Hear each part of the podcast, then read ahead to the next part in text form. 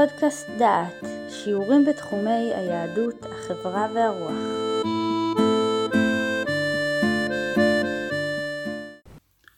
ברוכים הבאים לפודקאסט דעת. בשיחה זו נעסוק בבג"ץ קעדאן.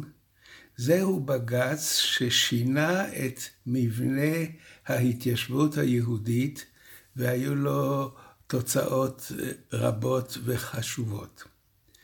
לפני שאני נכנס לבג"ץ הזה, אני רוצה לתת איזושהי פיסה מן ההיסטוריה.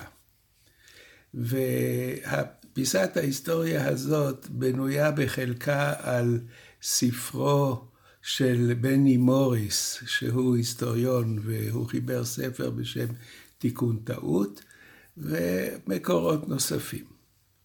וכך כותב בני מוריס, שבשנים 1946 1947, דהיינו בשנים שבין סוף מלחמת העולם השנייה לבין קום המדינה, עשו הלאומנים הערבים מאמצים למניעת עסקאות מכירת קרקעות ליהודים, תוך שימוש באלימות ובאיומים. מסיתים וחמושים איימו על בעלי אדמות שעשויים היו למכור אותן, וכן מנעו מארוס, מאריסים שישבו על אדמות שכבר נמכרו מלהתפנות מהם. אם כן, זה היה מין בלוק שלא למכור אדמות ליהודים. בתקופה זו גם ממשלות סוריה ולבנון דאגו שאזרחיהם, בעלי אדמות בגליל, לא ימכרו קרקעות ליהודים. אה, יש טוענים שביולי 47' קרא ג'מאל אל-חוסייני לרצח של מוכרי אדמות. ריצחו אותם, ריצחו אותם. דתנו מצווה עלינו זאת, ועליכם לעשות כמצוות הדת. בחודשים שקדמו למלחמת העצמאות, נעצרה לחלוטין מכירת הקרקעות ליהודים בגליל. ואני עכשיו עובר שנים במדינת ישראל. בשנות ה-80 מרבית הארגונים הלאומיים הפלסטיניים, ובכלל זה אש"ף וחמאס, תמכו בהוצאה להורג של משתפי פעולה לאחר חקירתם בעינויים. משתפי הפעולה מהסוג החמור ביותר היו מתווכי קרקעות המוכרים קרקעות ליהודים לחברות ישראליות או לממשלת ישראל. הקטע הזה לקחתי מוויקיפדיה, וכאן יש רשימה של אה, ערבים שנרצחו בשל היותם שותפים למכירת קרקע ליהודים. מדובר שמרדוס מטוסיאן, שהיה מעורב בהעברת מבנה כנסייתי לישראלים, נגזר עליו מוות והוא ברח לארצות הברית, והמפקדה קבעה שכל פלסטיני שנטל חלק במכירה, ולו של טפח אדמה ליהודים, דינו מוות. ב-1993 נרצח סוחר קרקעות נוסף, אחמד עודה, שהוא הוכה עד מוות. כן, יש פה שיטה קבועה של הרשויות הפלסטיניות והערביות לאסור מכירת קרקע ליהודים בעונש מוות. אם אתם רוצים לקרוא את הערך, תחפשו את הערך המאבק הפלסטיני במכירת קרקעות ליהודים בוויקיפדיה ותמצאו את הדברים שם. אני עכשיו עובר למקובל בארץ ישראל ובמדינת ישראל בשנים המקבילות. ההתיישבות היהודית הייתה התיישבות של קבוצות אנשים בעלי תפיסת עולם זהה. הקיבוצים היו כולם לפי מפתח מפלגתי, וסיפר לי פעם חבר שהוא היה בקיבוץ של השומר הצעיר, וזרקו אותו מן הקיבוץ מפני שהוא קרא עיתון מעריב ולא על המשמר. המונוליטיות האידיאולוגית הייתה בכל צורות היישוב. היו שיכונים שהיו שיכוני עובדים. בירושלים היה שיכון המקשר, שכל חברי הקואופרטיב המקשר, שזה היה אה, קואופרטיב לתנועה, לאוטובוסים, גרו באזור אחד. היו שכונות בירושלים שנבנו כך שהם לא יתאימו לדתיים. בית שמתאים לדתיים זה בית שיש אפשרות לבנות בו סוכה בסוכות, ולא צריך לרדת לחצר לסוכה. זאת אומרת, היישוב כולו היה בנוי בצורה מפלגתית, בלתי מקוונת. לא עלה על הדעת שאדם לא דתי ילך לגור במאה שערים, או שאדם דתי ממאה שערים ילך לחפש את מקומו בבית הכרם שלפני 70 שנה. ועכשיו אני עובר לבג"ץ קעדאן, שהוא אחד הדברים המטלטלים והמשמעותיים במדינת ישראל. הסיפור היה כזה, מדינת ישראל הקצתה קרקע לסוכנות היהודית. הסוכנות הקימה על הקרקע יישוב קהילתי. הייתה אגודה שיתופית, והאגודה מיינה את האנשים ובנתה את היישוב. האגודה השיתופית מקבלת לשורותיה למעשה רק יהודים. התוצאה הייתה שבמצב כזה ערבי אינו יכול לבנות את ביתו על קרקע של המדינה שהוקצתה לסוכנות והועברה לאגודה שיתופית לביצוע. שואל השופט ברק בפסק הדין של הבג"ץ הזה, האם בתנאים אלה ובנסיבות המקרה, החלטת המדינה להקצות קרקע לסוכנות הינה החלטה בלתי חוקית בשל הפליה פסולה כלפי ערבי. זאת השאלה הניצבת בעתירה זו.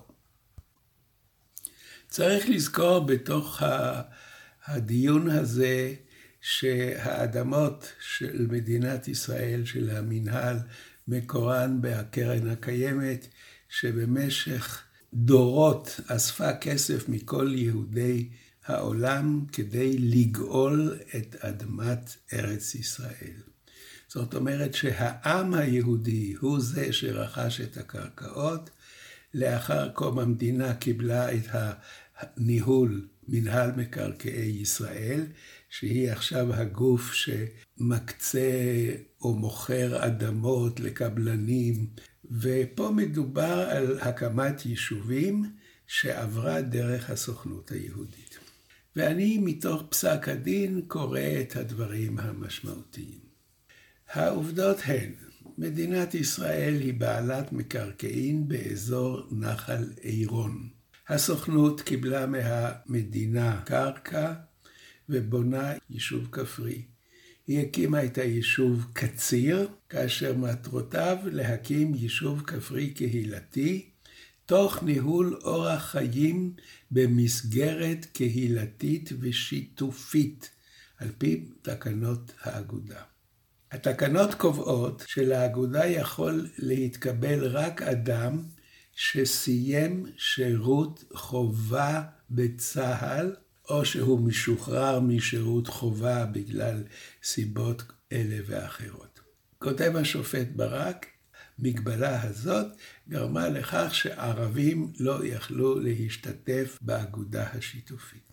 לבית המשפט פנה זוג, משפחת קעדן. יש להם שתי בנות, הם מתגוררים ביישוב ערבי, והם רוצים לגור במקום שיש בו איכות חיים ורמות חיים שונות מאלה שהם חיים כיום. בחודש אפריל 1995 פנה קעדאן לאגודה השיתופית קציר וביקש לרכוש בית וסורב. טוען אדון קעדאן שהמדיניות שמכוחה מוקמים יישובים המיועדים אך ורק ליהודים, זוהי אפליה. הקמת יישובים או הקצאת קרקע על בסיס לאום או דת סותרת את עיקרון השוויון ולפיכך אינה יכולה לעמוד בדין. ועכשיו הם נותנים לנו צ'ופר קטן. אה, העותרים אינם מתעלמים מן היסוד היהודי בזהותה של מדינת ישראל, כמו גם מן ההיסטוריה ההתיישבותית של ישראל.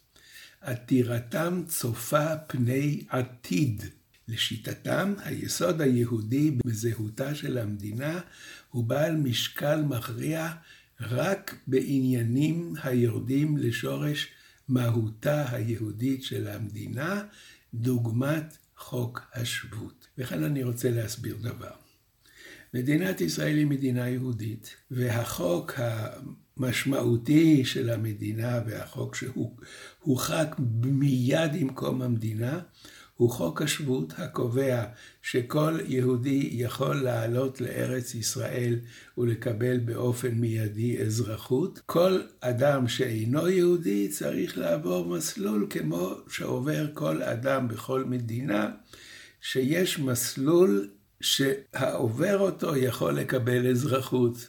בארצות הברית צריך ידע מינימלי באנגלית וצריך ידע היסטורי. בכל מדינה יש עקרונות איך אדם נהיה אזרח.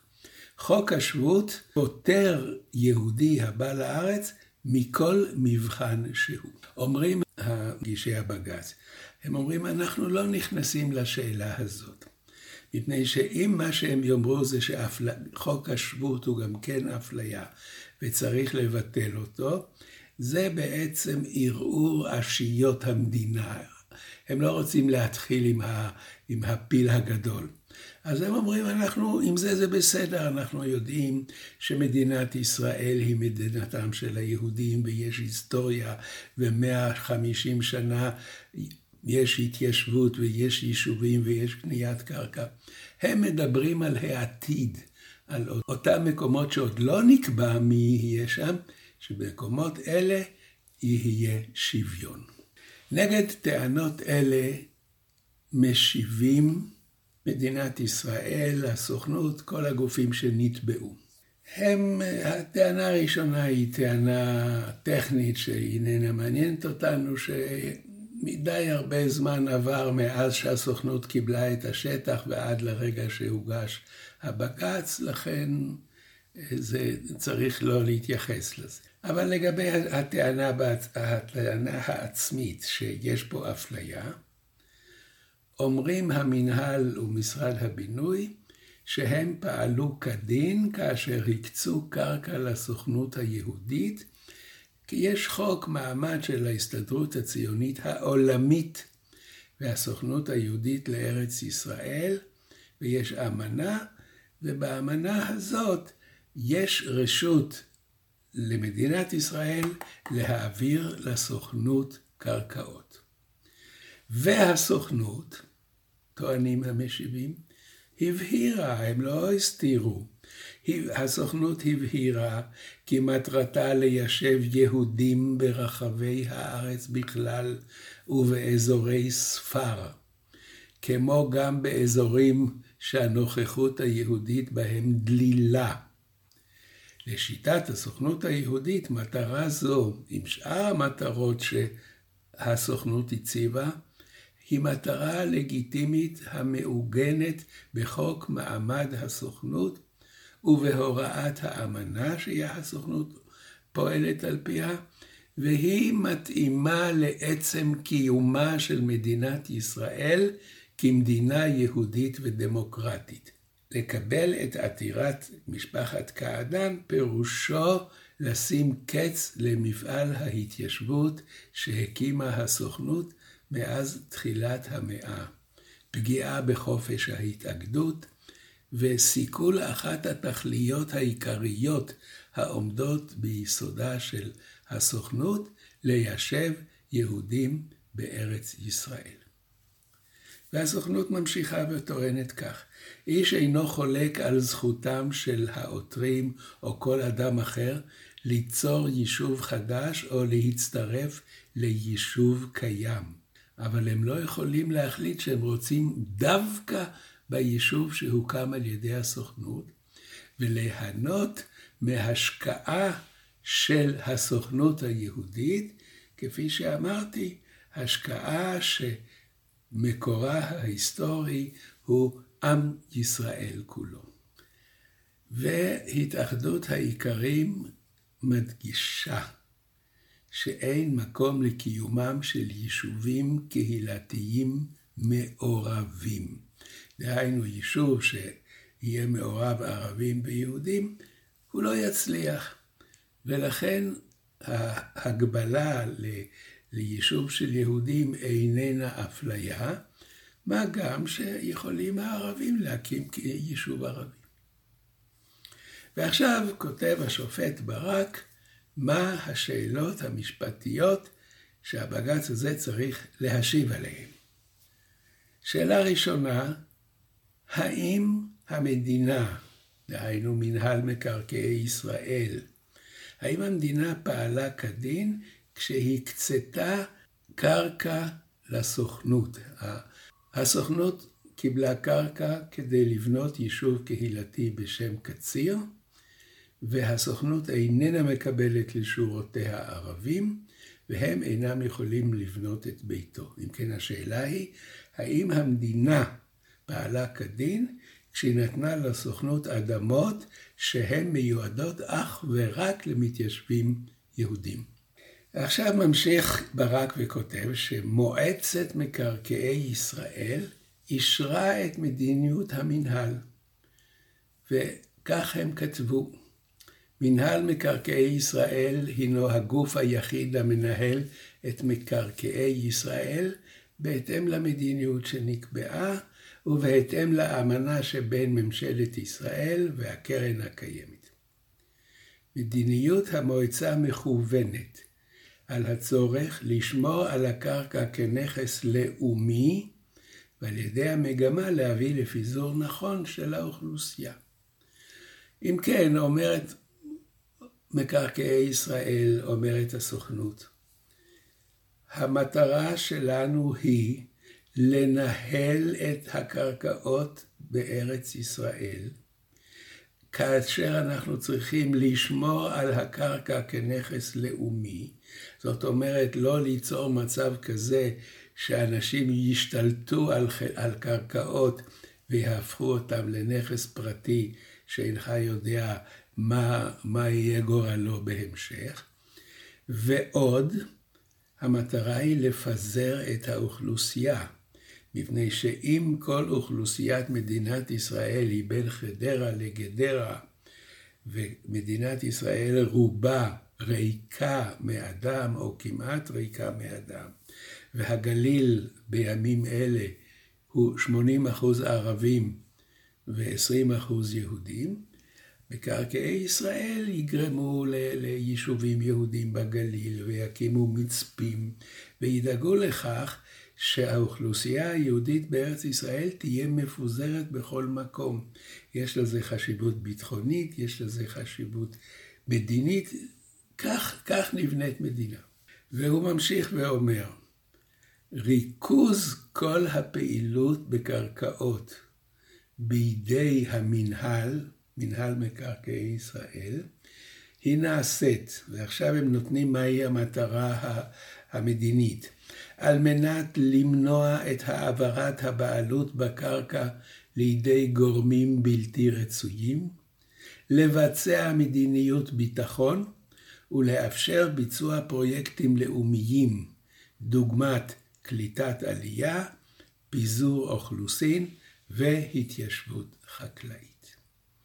אם כן, הטענה שלהם, אנחנו עושים בדיוק את תפקידנו. תפקידנו לדאוג להתיישבות היהודית בארץ ישראל, וזאת אנחנו עושים. ועכשיו מוסיף השופט ברק את המרכיב הנוסף. והמרכיב הנוסף הוא שמדינת ישראל יש לה שני יסודות. מדינת ישראל היא מדינה יהודית והיא מדינה דמוקרטית. מתוך שני אלה, קובע ברק, הדבר הרלוונטי לנושא הנדון לבג"ץ הזה הוא עיקרון השוויון. האם החלטת הסוכנות איננה פוגעת בעיקרון השוויון? ועכשיו הוא מתחיל לתאר את השוויון כעיקרון יסוד. שימו לב, השוויון הוא מערכי היסוד של מדינת ישראל. כל רשות בישראל, ובראשן מדינת ישראל, רשויותיה ועובדיה, חייבים לנהוג בשוויון בין הפרטים השונים במדינה. ביטוי לכך ניתן גם בהכרזת העצמאות. מדינת ישראל תקים שוויון זכויות חברתי ומדיני גמור לכל אזרחיה, בלי הבדל דת, גזע ומין.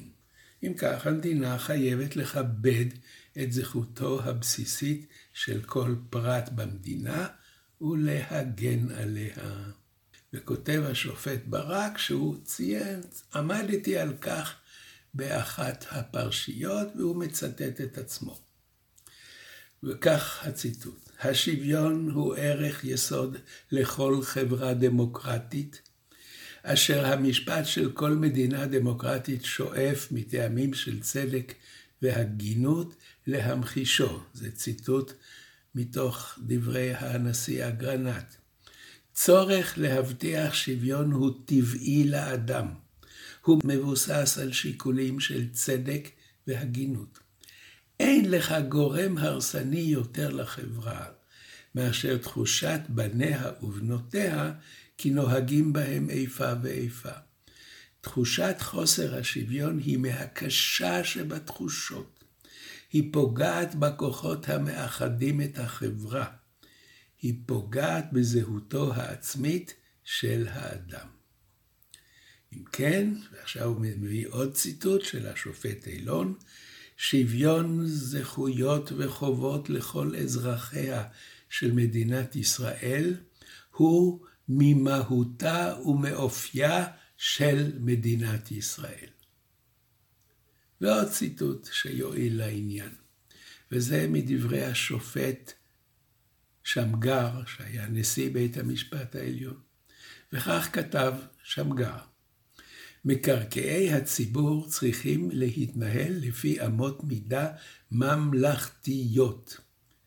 אימוץ אמת מידה, כאמור, היא בגדר חובתן של רשויות ציבור בכל ענייניהם.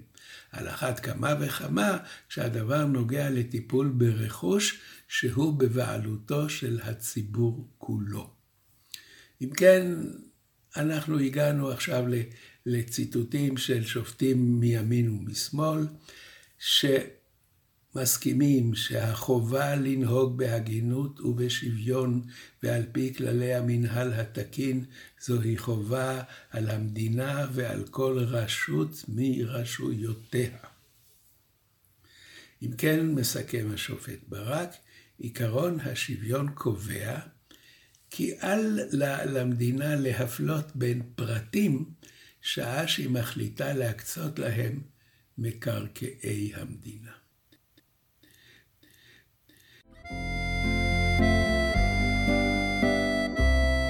שמעתם שיעור מאת פרופסור יהודה איזנברג. את הקורס המלא וקורסים נוספים ניתן לשמוע באתר דעת במדור פודקאסט.